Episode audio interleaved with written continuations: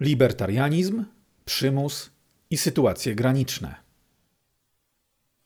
Inny powszechny zarzut odnośnie praktyczności libertarianizmu mówi, że jego moralne wymogi kłócą się z intuicjami większości ludzi co do tego, jak należy się zachowywać w tzw. Tak sytuacjach granicznych, gdzie na przykład nienaruszenie czyichś praw własności spowodowałoby światową zagładę.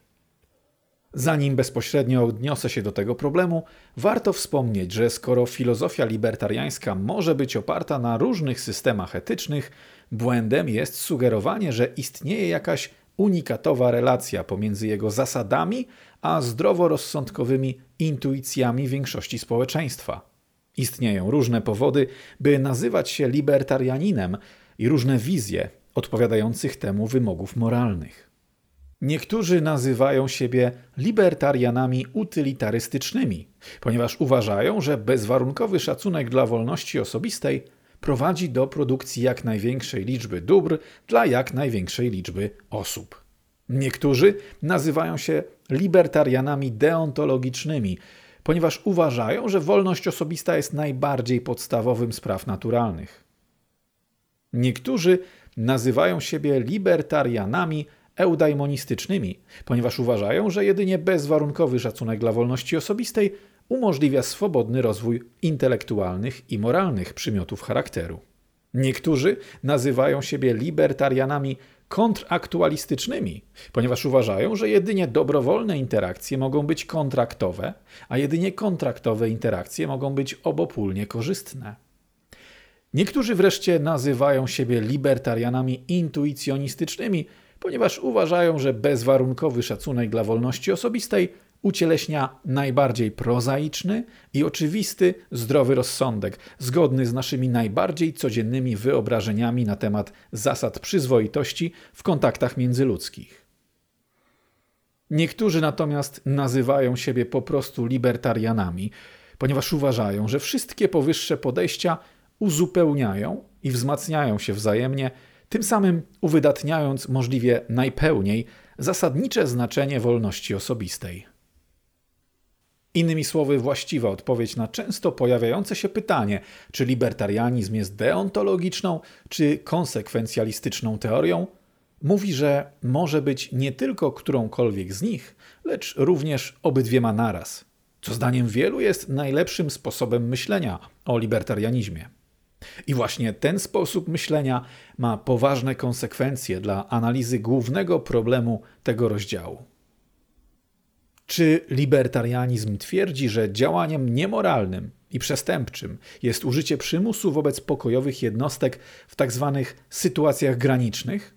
Na przykład, jeśli nie zagrożę ci pistoletem i nie zmuszę cię w ten sposób do wiosłowania łodzią, wszyscy utoniemy. Tak, tak właśnie twierdzi. Ale czy twierdzi, że nie jest moralnym próbować w sytuacjach granicznych ocalić życie ludzi, zmuszając ich do zrobienia pewnych rzeczy? Nie, tego nie twierdzi.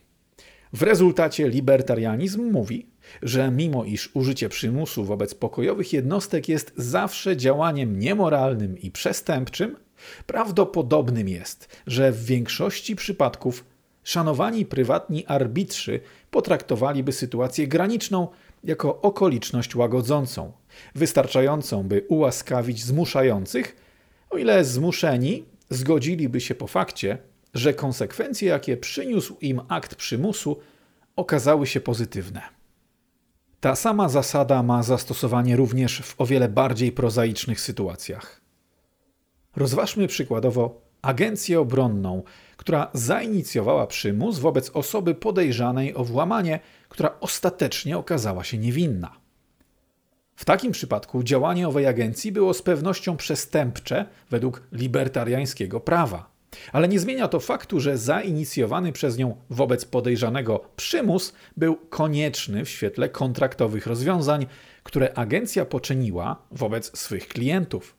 Co sprawia, iż ów przymus staje się potencjalnie w pełni wybaczalny, o ile jego ofiara otrzyma odpowiednią rekompensatę. Podsumowując, mimo iż libertarianizm zezwala na darowanie aktów przymusu wobec pokojowych jednostek, z tych samych powodów nie zgadza się on na dekryminalizację takich działań, uznając w ten sposób bardzo ograniczony i wysoce warunkowy zakres ich stosowania oraz tolerancji dla nich. Innymi słowy, libertarianizm twierdzi, że prawa jednostki są nienaruszalne, ale w pewnych ekstremalnych sytuacjach ich naruszenia mogą zostać retrospektywnie darowane przez poszkodowane strony w świetle ich zdecydowanie pozytywnych konsekwencji. Dzięki temu, bez konieczności poświęcania żadnej ze swych podstawowych zasad, libertarianizm jest jak najbardziej zdolny do adekwatnego radzenia sobie z sytuacjami granicznymi oraz innymi dylematami, w których występują niemożliwe do pogodzenia konflikty pomiędzy wartościami. Ujmując te kwestie nieco inaczej, etyka libertariańska nie twierdzi, że agresja nie jest nigdy uzasadniona, ale że jest zawsze działaniem przestępczym. Trzeba zwrócić uwagę, że są to dwie bardzo różne rzeczy. Dana osoba może czuć, że podjęcie działania przestępczego jest uzasadnione, gdyż istnieje duża szansa na to, iż w perspektywie ex post zostanie ona uniewinniona lub nawet pochwalona przez swoją ofiarę. Weźmy tu przykładowo przypadek siłowego powstrzymania znajdującego się w stanie przejściowej depresji niedoszłego samobójcy od zrealizowania jego planu.